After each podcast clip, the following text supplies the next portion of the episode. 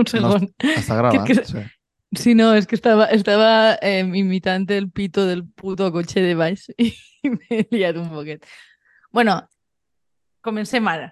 Eixe aplauso no s'ha sentit. No s'ha sentit? Hòstia, No. joder, sí que inhibix el, soni, el so, eh? Joder. Puta mare. Vale. A veure, jo se m'ha comandat que faça este començament de programa eh, de manera tan caòtica com sempre, perquè com sóc la més guai dels tres i m'he deixat Twitter, pues una, volíem parlar una miqueta de per què m'he deixat jo Twitter o per què la gent en general està Això és el que la gent a vol saber, els fans. fugir. Jo sé que la gent està molt curiosa. Que han acabat els DMs. S'han acabat, els, no, s'han acabat els DMs en la meva vida, això és de Ah, veres. però que anava de veres. Que anava de Però- veres, sí. Joder. No, no, jo pensava que te l'havies llevat en plan l'aplicació o això, no? no Ah, no, no, no, m'he llevat l'usuari. M'he llevat l'usuari.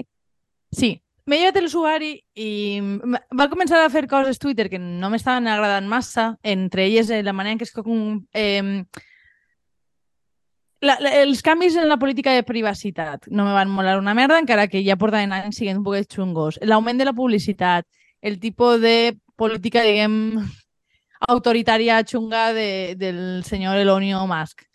Eh, però bueno, el tema és que, o sea, vos vaig compartir fa uns, uns mesos, no, unes setmanes, un article que vaig veure que me va parecer com bastant interessant. Bueno, no és un article, era un vídeo de TikTok, com bé sabeu, que eh, bàsicament explicava per què eh, la gent està començant a fugir de les xarxes socials. I una de les coses que, que pensa que ha passat en Twitter, però que també està passant en Instagram i, i en TikTok, és que eh, ja apenes apareix contingut de persones normals. O sigui, n'hi ha una gran professionalització de lo que tu estàs fent en, en termes de creador de continguts, no? Entonces perd un poc la naturalitat perquè tots són col·laboracions en marques, tot és publicitat i de fet una de les coses que jo comentava és que jo, eh, seguint en Twitter, jo ja no podia veure pràcticament a la, el contingut de la gent que jo seguisc. O sigui, de, uno de cada 10 tuits igual era d'algú que a mi m'interessava, no? Vull dir, i això és una de les coses, a més, també esta política de cada volta intentar mantenir més temps en la plataforma i, per tant, no... no... A veure, no ho descripes tot imatges. tan ràpid. A veure, n'hi ha, una, una, ha una cosa que quan van començar a introduir el tema de l'algoritme i que l'algoritme et marcara el que, ve, lo que veieres, o sigui, com han fet en totes, però Twitter va ser com molt, molt bèstia, Sí. al principi podies elegir, però després ja quan Elon va agarrar tot el control, ja tot era el per a tu, que és el que diu l'algoritme, Sí. i seguint, és a dir, el, el, ja tens que triar cada volta conscientment la pestanya de seguir a qui tu seguixes i tampoc te'ls trau sempre perquè funciona molt malament. O sigui, crec que Sí. això ha sigut superclau. I, de fet, la gent que anuncia, crec que eren els de Contra el Diluvio, un d'estos que fa poc eh, van, eh, els vaig veure com, crec que en, en el propi Blue Sky, com una comparativa de l'audiència que havien tingut en diversos congressos que havien muntat en Twitter, o sigui, visualitzacions dels últims dos anys, ¿vale? eh, els ho vaig veure. I era com que s'havia reduït un 50 per, més d'un 50% la gent que havia vist un mateix post, ells tenint més seguidors. O sigui, que en, en termes objectius, si tu mires el, eh, diguem, el mateix congrés, en el mateix compte, les mateixes dates, i inclús en més gent, menys de la meitat de gent havia passat pel tuit, el qual només té sentit si, si és l'algoritme. I, claro, això, vull dir, ca, cada volta tens menys incentiu per estar dins, al final. Però el- notar. El tema és que jo trobo que intenten copiar-li un poc a, a TikTok, que és un poc el que... Mm, ells sí que comencen des del principi en el, la gent que tu seguixes o amigos, ara no me'n recordo com es diu, i el, i el per a tu. I, claro, per mi la gran diferència és que tu estàs veient vídeos, pues, si és pur entreteniment i eres scrolling i ja està, pues igual veure que la teua cosina ha fet un vídeo ballant la, la nova batxata de qui siga, pues te pot interessar molt. Però és veritat que, que, que per mi Twitter sí que és veritat, ja fa mogolló de temps, però la tonteria està, pues, una troba que tens moltes més interaccions i l'altra que és el que dia Andrea, sobretot, que tu vols llegir pues, sabent que el teu col·lega parla el que siga, pues vols llegir-ho perquè per algo seguixes i notes que està inundante de pues no ho sé, és que damunt n'hi ha moltes coses que ja es nota eh, els algoritmes en plan de, de, de gènere i de tal, que dius, ara jo en Twitter, que no el tenia tan treballat des de la nova esta, el que m'eixia de recomanacions és com, vale, veu que sóc home, vaig a, vaig a mostrar-te aquestes gilipollades i dius, pues, mm, no sé, no li veig massa sentit tampoc. Jo crec que hi ha un element també, dir, que, que al final eh, que fa en qualsevol plataforma de xarxes socials és, al principi, t'ensenya, eh, o sigui, et dona moltes facilitats per entrar, perquè lo important és que hi hagi molta gent i que la gent es relacione, i només a posteriori és quan comencen a fer-se esforços de que siga sostenible o que genere ingressos, diguem, no?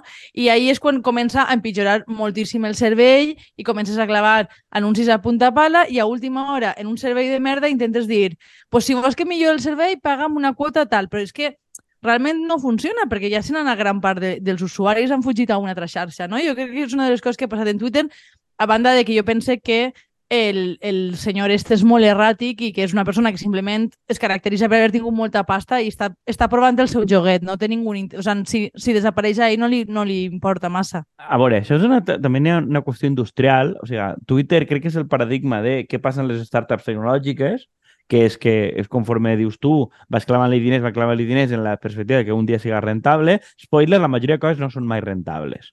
O sigui, gen genera expectativa. Twitter ha sigut una bombolla des del seu naixement. No ha donat mai beneficis. Ni avui dona beneficis. O sigui, era també insostenible era que més fons d'inversió eren clavant pasta. Aquí hem passat dos coses. Una, que s'ha clavat el tarat este, perquè li interessa molt el tema del debat públic i intervindre, o sea, és el que diem l'altre dia, el casito és el motor de la història, este senyor és el paradigma del casito. O sea, Sí. ell vol casito per damunt de totes les coses i pensa que pot comprar en diners. Este és un, un, un element.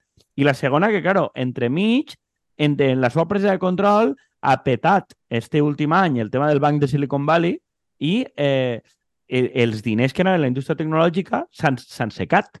Entonces, clar, ara avui ja no n'hi ha ningú, o pràcticament ningú, o molt reduït, que vagi a seguir invertint en projectes a fondo perdut que la van passar a l'expectativa de que d'ací 10 anys eh, serà rentable, perquè això ha sigut un esquema de Ponzi, eh, o ha sigut una estafa piramidal, com li agrada dir a Andrea. No, no, no. una estafa piramidal, menys l'estafa piramidal que no ho diu, saps? Que li di, diu una cosa com molt més elaborada per a no dir que lo, és exactament una estafa piramidal, que tu vas clavant diners, diners, diners, i un dia es veu, vale, per això no corresponia res, vull la meva pasta i se'n va a pique. I això han tingut la sort, entre mil cometes, de que els ha comprat un tarat que vol seguir perdent diners en això. Altra cosa és que s'ho carrega. Dic, però és que això no era rentable. Aquests diners se'n anaven al vàter, igualment. I és el que li ha passat a Twitter. I per posar una, una dada, que, que és la que vaig passar quan preparem el programa, eh, la, la ràdio pública americana, crec que fa un any, la NPR, que és el, la cadena que fa el, els vídeos esos de Z Tangana, en els de Ketama i tot el rotllo que fa el, el Tiny Desk, fa un any i algo es van llevar Twitter i van fer un estudi de quant de tràfic havien perdut. Un 1%. Vull dir, Twitter ja és absolutament irrellevant per al sector de les notícies. I això també té molt que veure amb el que està passant. Però i és que inclús, inclús abans tampoc era una cosa... Igual també ha sigut tot un prou una bombolla. Perdona, Andrea Díaz. Sí, No, a veure, jo, jo crec, a dir, que, que mm, Instagram, TikTok, eh, Twitter han servit per a generar unes certes comunitats virtuals durant una temporada, dir, que, de, de que aquesta gent et conega, vull dir-te, però al final lo que crec que marca és la fidelitat a, en fi de tu et busques, vull dir que, que sí que hi ha una certa autonomia i que no depèn tant de, de fet. Un dels grans problemes que jo veig és que tu depens absolutament d'aquesta plataforma. Vull dir, si tu bases la teva estratègia digital en Twitter, pues, al, al, al final resulta que no, no eres amo, diguem, dels contactes que fas, no? I eixa, tot aquest esforç que has fet, al final, un dia, eh, com, com ara, no? Vull dir, jo hi ha molta gent a la que he perdut perquè eh, m'he cansat de de l'estratègia erràtica del seu amo, no? Vull dir, al final, cre crec que tenim un problema de, de que n'hi ha una certa externalització, o sigui, ha- és algú altre el que té el contacte que, diguem, serien els, no sé, els mitjans de producció, no sé si eh, aplica exactament així, però bàsicament que no, no eres amo de la, de la teva informació, en un moment saps que la pedràs. Pero ese es No, Pablo y- Iglesias. Los medios.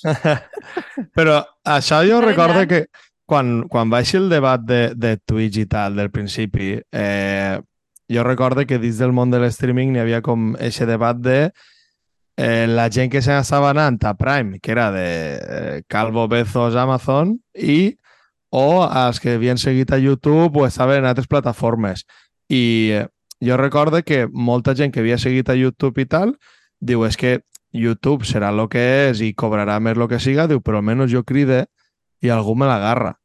I, sé, i ja sé més o menys el que juga, diu, a Amazon Espanya, eh, no sé, vull dir que és com, en el fons no deixa de ser tot un poc el debat de qui són els millors amos, i ja està, que és un poc el que dius tu, però me recorda que va ser prou graciós el, el fet de que això, que molta gent que ara estava en Twitch o tal, com a que guanyes molt més ara, però si no eres un, un streamer més famós o que sigui, no, no té molt de sentit que... Però, però és que, de fet, a Twitch les condicions de, o sigui, de treball, entre cometes, es van devaluar moltíssim. Exacte, però la gent, entrar. si, de nou, si el teu model de negoci és eixe, estàs atrapat, no pots Mm. d'un dia per a l'altre buscar una alternativa que la gent et seguisca, el qual et poden... És que en el fons no deixa de ser bastant paregut al model de Zara o no sé quantos, que és, o de Mercadona, de jo te compre coses no sé quantos per a que no li vengues a ningú i en un moment comença a dir, ah, però en este que m'ho facis més barat, hasta que et rebente.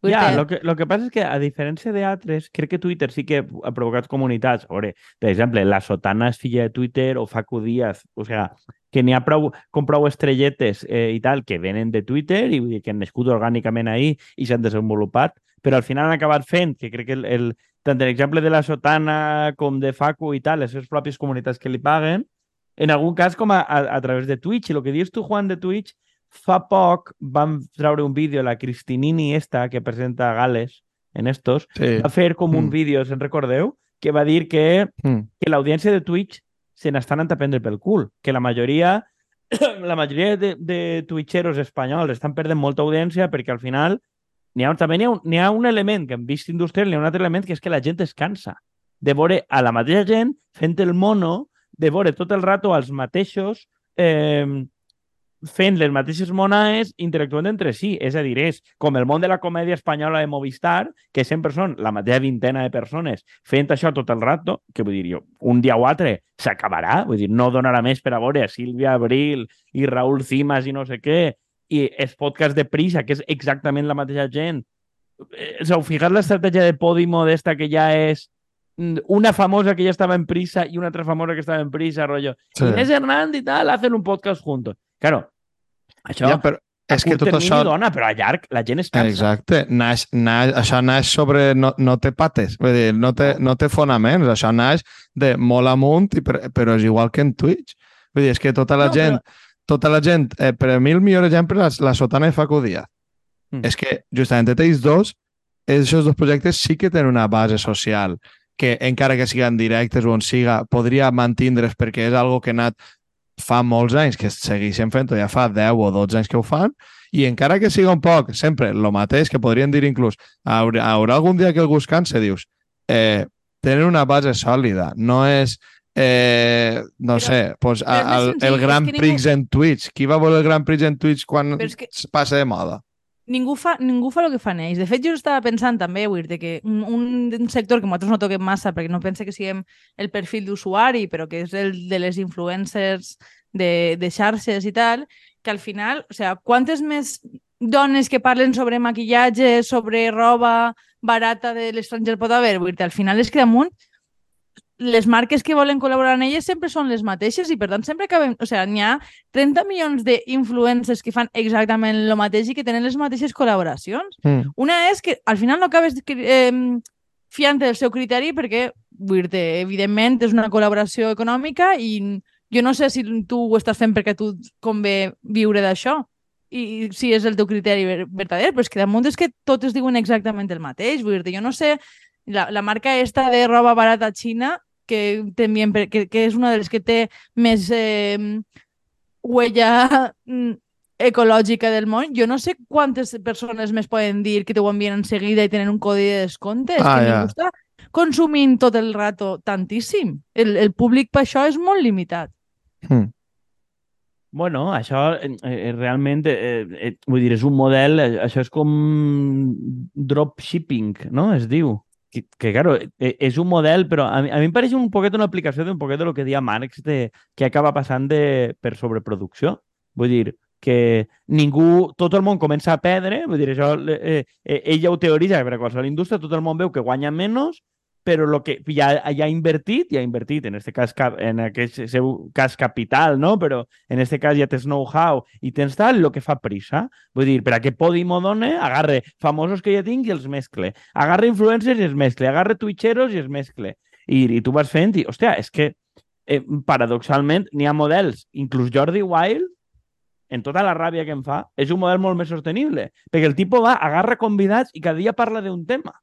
Vull dir, sí. està ell jugant a un videojoc que, té, que l'únic atractiu és veure el Xocas o no sé què parlant ell i mirant-se la jeta o entrevistant un altre influencer. Vull dir, Jordi Wild agarra a Arturo Pérez Reverte, un cunyau de merda, lo que siga, va, lo que dius, bueno, fa Díaz, pues mira, el tio es munta el seu espectacle la seva funció va i actua, la sotana, idem.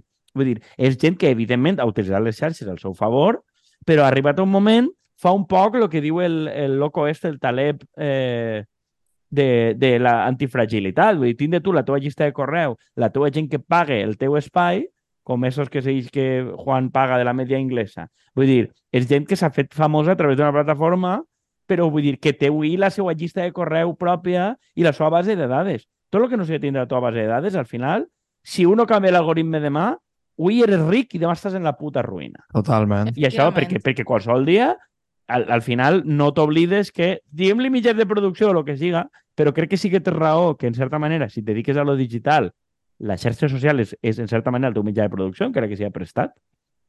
Vull dir, és, és allà on treballes. Si el jefe pot canviar unilateralment, pues tu no eres amo de res, tu eres, al final eres un empleat. I, de fet, en Twitch, més que en altres llocs està clar, perquè els de Twitch tenen tots contractes privats en Amazon. En eh, eh que els percentatges es negocien, eh, tenen confidencialitat. Vull dir, Twitch, per exemple, Amazon té com molt clar, i crec que YouTube i Google cada volta més, una lògica per la qual són purs empleats. Vull dir, que tu penses que tu tens la teva comunitat i tal, però tu dones un percentatge, tal, però al final, sentint-ho molt, eres com una prostituta que està de llogar en, el, en, en casa d'aquell i li dona el 30% a la madame i no sé què. No, jo soy una professional independiente. Los huevos morenos.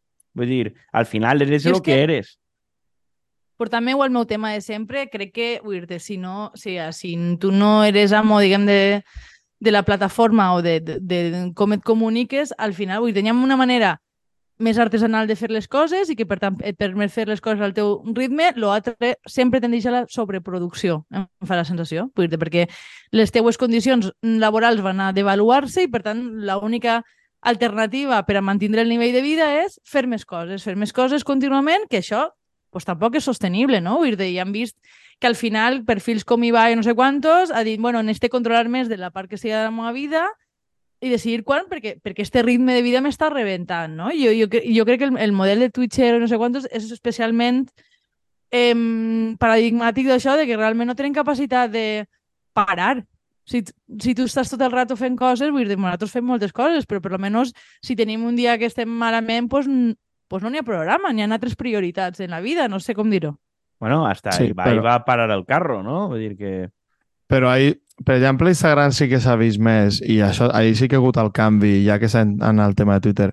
A, a Instagram jo sí que he seguit a, a molta gent que ha passat de tindre quasi un milió de seguidors a... Què passa? No, no, que, no res, que, no que el temporitzador se m'ha reiniciat. Res. Que... Ah, vale. Digues, digues, que, que, bueno, que, que vale, vale. molt caòtic avui. Bueno, que, que a Instagram, a, en Instagram sí que ha passat això, que, que és un poc el mateix que, que en Twitter, però sobretot allí el que s'ha vist és que la gent se n'ha anat, ha deixat de seguir. Jo no sé si era perquè compraven seguidors o perquè simplement has deixat d'aparèixer-li per l'algoritme a molta gent, o si és que Instagram t'ha fet una puta i ja està, perquè al final ells, ells també podrien decidir, dir, pues, la furte, tots la furte la meitat de seguidors i ara vindràs a, a parlar amb mi. Però sí que és veritat que he vist molts instagramers que amb problemes de salut mental i tal, perquè han dit, mira, és que he deixat d'aparèixer, eh, jo això ho feia per gust per no sé quantos i ara s'ha convertit en un problema. Alguns s'han sabut refer, per exemple, que era el que, per exemple, dius tu, Kiko, que és tenir la seva base de dades, gent que ho ha, ho ha redirigit tot a un altre ambient, sobretot en temes de nutrició i tal, gent que al final tu has fet clients eh, per a la teva clínica de nutrició o el que siga i tu, per als seguidors, vindran o aniran, però tu tens algo que et dona de menjar, no? I en el cas, per exemple, una xica que es dedicava a, a temes de cuina vegana i coses d'estes, recorde que, eh, vamos, és que va desaparèixer i la xica ha estat en depressió Vull dir, ho, ha, ho ha posat perquè la seva feina s'ha anat al traste sense ja controlar res i ha creat Instagram, ha creat a, a Meta i que allí ningú, ningú responia. I dius, claro, és que al final... Eh, em fa molta gràcia la idea d'algú intentant cridar a Facebook per tenir... Ja, ja, com... Què, què passa? Sí, bueno, jo, quan dic cridar és com posar-se en contacte, però que no, fa molta risa. Jo això vaig sentir, el, crec que el Xocas, uno d'estos, en algun de cosa, ho, ho va dir, crec que es va buscar lío, de com ho feien i que al final eh, tu, o sigui, no n'hi ha un departament d'això que atenga gent, n'hi ha un departament que és de màrqueting, que són representants, que mm. atenen a les estrelles. Però ell diu, dia, si tu eres classe media o media baja, i diu, ningú et fa ni puto cas. I, de fet, una de les coses que la Comissió Europea, de les poques coses que funcionen, que són rotllos de competència, protecció de dades, a, a, tant a Meta, és a dir, Facebook, Instagram, TikTok, com a... No, mentida, Facebook, Instagram i WhatsApp, com a TikTok, els han estacat moltes investigacions, tant pel tema de moderació, de que no està clar quin contingut entra, quin no entra, què fa l'algoritme, i que no tenen controls de contingut per a crios i tal, com de protecció de dades, tenen multes grosses. I una de les mm. multes que tenen investigació és per com afecta la salut mental tant de productors com de consumidors. Vull dir que ahir, això és un tema totxíssim. Mm. I, i, i això, més... vull dir, tu pots fer milionari, t'han fet milionaris ells, a l'endemà teu lleven, tu no tens cap dret. Tu eres un client i punto. O un treballador o un client. Però vull dir, com, un, com a treballador normal encara podries sindicar-te. Però ells poden rescindir el contracte demà i no pagar-te un duro.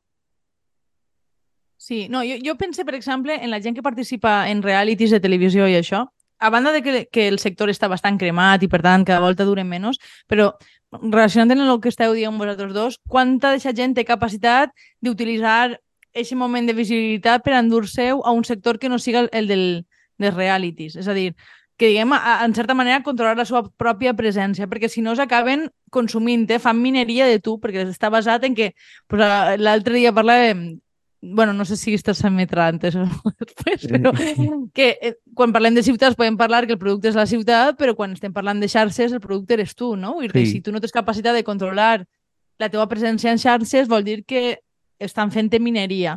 I, I quanta gent està a, acabant el porno o, o prostitució o coses similars? Vull dir, perquè eh, o sea, el sector íntimament més relacionat en el reality i tal és este. Vull dir, és vendre tu. Vull dir, no, si, si el sector és, és el càrnic, vull dir, la, la continuació normal és que a, acabes en un altre escorxador. Mai millor dit, no? No, el, no dir, Kiko, que és, Kiko Miralles liga el porno i la carne en 10 segundos. No, a veure, vull dir, és, és un... Bueno, no sé qui era, crec que era Gregorio Morán, que dia que, que el, el, li diu a la indústria del llibre la indústria textil, no? que diu que, que n'hi ha que acceptar que és una indústria i que tu eres un producte més i tal, però això, portat a l'audiovisual és això el cub, però és exactament el mateix, és a dir, no facis il·lusions, eres un producte, t'estan venent a tu, van a utilitzar-te, i això, i a diferència d'altres, pues no tens dret. Crec que la gent de Globo i companyia i tal ja s'han deixat de creure emprenedors i han dit, anem a sindicar-nos a la puta merda la mecànica digital, els conductors i els taxistes estan el mateix, a veure pa quan, igual que quan parlem dels guionistes i dels actors i tal, la gent de l'internet comença a donar-se compte de que eres un currele i que l'empresa no és el teu amic. Però com estan tan obnubilats per les marques, me quieren mucho, tu lo que eres un capullo. Bueno, jo com a... La, la versió del artista, vull dir sí. és la seva pròpia concepció de jo sóc especial i per tant a mi no a mi no m'afecten les normes de laborals o alguna cosa així. No? Com dia ara vi, si no es deixen firmar, ja estaria tot. Què dius, Juan? Ja, però que... firmes es... en la teva cara. Claro, però això... Així que per anar tancant, que podem, que podem dir-vos que, una, vos sindiqueu, que troba que ja és la muletilla de vos programes, i la segona és que, bueno, que si manem de Twitter o coses d'estes, pues que sapigueu que estem en totes les xarxes perquè no mos casem en ningú i tenim i estem en totes les no, xarxes socials que, que poden trobar-nos. Ja està. Que... Pues mira, dic una cosa, un objectiu personal per a mi és estar el dia de demà amb el menor número de xarxes possibles, en compte sí. de més. No, i que crec que podem anunciar-li a la gent que cada volta ens trobaran més en format newsletter i en comunicació directa amb nosaltres molt més que en xarxes. O sigui, no vol dir que no fem difusió o tal, però la tendència és a dependre menys d'altres agents i comunicació directa amb la persona. Que la persona puga parlar amb tu, que tu li envies directament, que et puga respondre i sense intermediaris i esperar que li isques positivament. O sigui, una cosa és no fer spam a la gent i l'altra que si tens que esperar que et troben passivament, doncs això, el que fa la ràdio americana. Dic, si vols veurem a mi, vine a veurem a mi directament subscriu-te.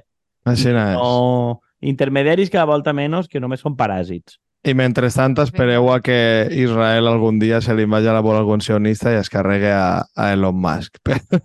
No, però eh, bueno, Elon Musk ha tingut sarau ara en Israel, no? per això, per això ho dic, que algun dia O sigui, jo el Israel, molt, molt a veure si, si algú se'l carreguen. Es veu que ha, ha facilitat l'ajuda humanitària a Gaza i per això eh, passa a ser Que raro, directament weird, és que un no enemic li pega gent siguent un producte de l'apartheid literal. Però Jo, jo pense que li deu deure diners a algun jueu i, i o sigui, deu ser per un motiu absolutament equivocat i, i fatxa, saps? De que, un, de que un jueu li va deixar diners per comprar l'empresa i ara diu, ah, judío, ladrón, tal, vale. Voy a joder. Ese tío no ha fet res per bé per una bona causa en su puta vida. Així Sí, no que, ale, que, que le jodan Elon. Nosaltres no et devem res. Pues ja està, no? Està. Ho deixem així. Ale, pues. Ale, Adeu. Adeu.